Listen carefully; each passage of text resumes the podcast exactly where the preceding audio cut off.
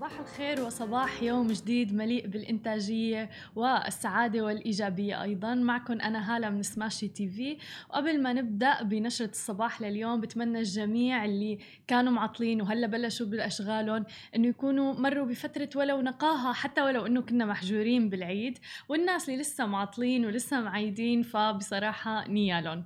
وخلونا نبدأ بنشرة الصباح لليوم. بدنا نطرق فيها لتفاصيل ومستجدات إعادة العجلة الاقتصادية سواء كان في الإمارات المملكة العربية السعودية وأيضا في الأردن. وبالإضافة إلى ذلك آخر خبر معنا لليوم رح يكون عن قصة ترامب وغضبه من تويتر تحديدا.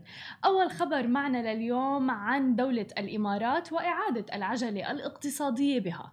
حيث سمحت اقتصادية دبي لمجموعة واسعة من الأنشطة الاقتصادية بمعاودة العمل ابتداء من اليوم بنسبة 50 في المئة. هاي الخمسين بالمئة طبعا من الطاقة الاستيعابية والتشغيلية لها. مع رفع النسبة الخاصة بقطاع التجزئة والجملة أيضا إلى 70 في المئة.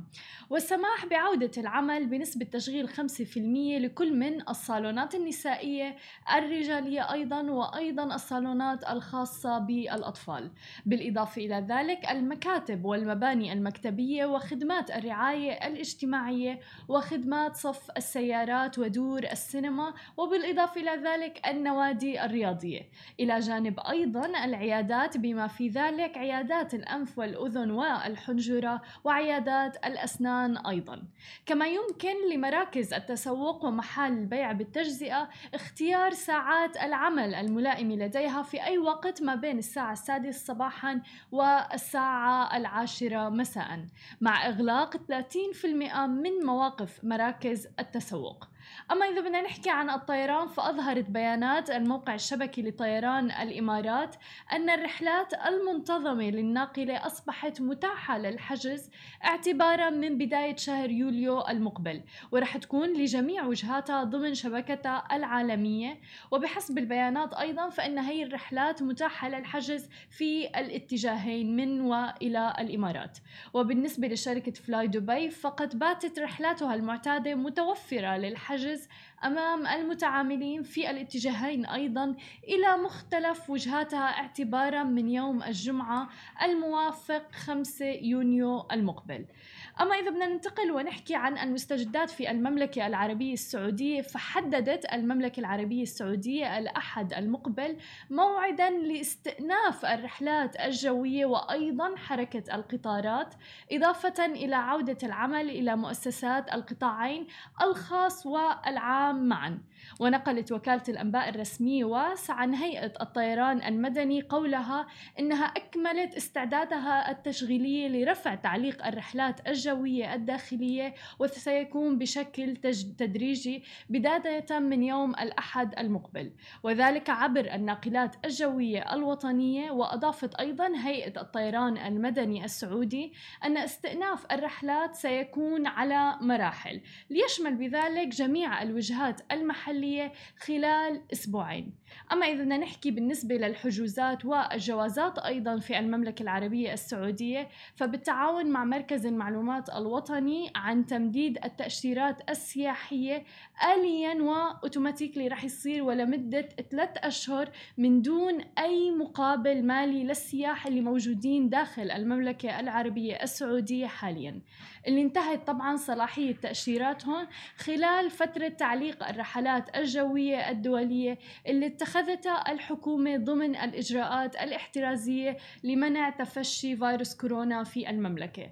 وأوضحت أيضا الجوازات إلى أن هذه الخطوة تأتي في إطار الجهود المتواصلة اللي عم تتخذها حكومة المملكة العربية السعودية في التعامل مع آثار وتبعات جائحة فيروس كورونا لتضمن سلامة المواطنين والمقيمين وتخفيف الآثار الاقتصادية والمالية على الاقتصاد بشكل عام في المملكة العربية السعودية. أما بالنسبة لقطاع الأعمال فأعلن وزير الموارد البشرية في المملكة العربية السعودية أنه اعتبارا من يوم الأحد 14 يونيو ستكتمل عودة جميع الموظفين لمقرات العمل لافتا أيضا إلى أنه سيتم تطبيق نظام حضور وانصراف سيكونوا مرنين لضمان الانسيابية والحضور والانصراف في دور العمل في المملكة العربية السعودية. أما إذا بدنا ننتقل للأردن فمن جانبه استأنفت الوزارات والدوائر الرسمية والمؤسسات والهيئات العامة في الأردن عملها المعتاد يوم أمس الثلاثاء بعد أكثر من شهرين من التوقف طبعا بسبب تفشي فيروس كورونا المستجد. وأوضحت الحكومة في بيان لها أن دوام الموظفين وتحديدا موظفي القطاع العام سيبدأ اعتبارا من صباح يوم الثلاثاء من الساعة 8:30 تقريبا صباحا وحتى 3:30 بعد الظهر.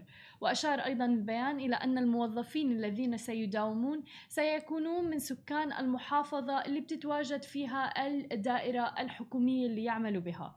وأضاف أنه في حال تطلبت احتياجات العمل ضرورة تواجد موظفين من محافظات أخرى فسيتم إصدار تصاريح خاصة لهم من خلال الوزير أو حتى المرجع المختص لهم. أما إذا بدنا ننتقل لخبرنا الأخير اليوم فهو عن تويتر وآخر تحديثات من تويتر ولكن أثارت بلبلة في آه، يوم أمس تحديدا.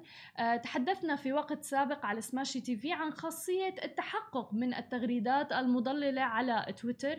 وفعلا أقل أقر يومها تويتر أنه ما رح يميز بين كبار الشخصيات وحتى الزعماء. والآن هاجم الرئيس الأمريكي شبكة تويتر قائلا أن بدأت بالتدخل بالانتخابات الرئاسية.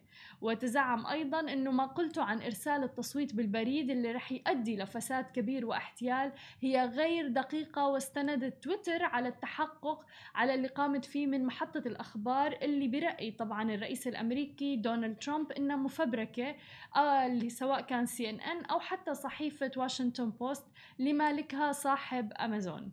كانت شبكة تويتر قد أضافت أمس الثلاثاء تنويها باللون الأزرق إلى تغريدتين نشرهم الرئيس الأمريكي دونالد ترامب بعبارة تحققوا من الوقائع أو أنه في fact checking في سابقة من نوعها أراد منها الموقع تحذير رواده من احتمال أن يكون الرئيس الجمهوري بصدد تضليلهم بقوله أن التصويت عبر المراسلة ينطوي حتما على تزوير بحسب ما وصلنا.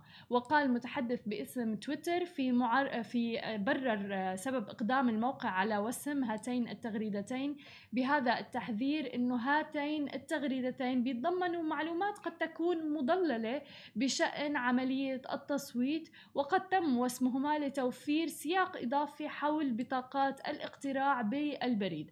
هذا القرار اتخذ بما يتماشى مع النهج اللي سابق وأعلن عنهم آه، الشهر الماضي تويتر. لذلك فعلا أقر تويتر إنه هذا النوع من القرار وهذا النوع من ال fact checking ما راح يميز بين أي أحد سواء كان رئيس آه، بلد أو جمهورية أو حتى كان كبار الشخصيات وغيرها. تويتر معروف بالمصداقية لذلك حتى آه، ما في الواحد إنه يمسح مثلا يعمل مسح لل replies آه، وهي من الخاصيات اللي كثير ناس كانوا يطلبوها من تويتر ولكن تويتر كان مصر إنه هذا المكان هو مكان للتعبير عن الآراء والآن مع جائحة فيروس كورونا وفي كثير العديد من الشائعات التي تم تداولها تحديدا بهذا السياق فقرر تويتر إنه يضيف هذه الميزة واللي هي fact checking أو حتى على إنستغرام موجودة الآن. إذا في صورة مثلا تم نشرها وفيها نوع من المعلومات المغلوطة فبيطلع لنا إنه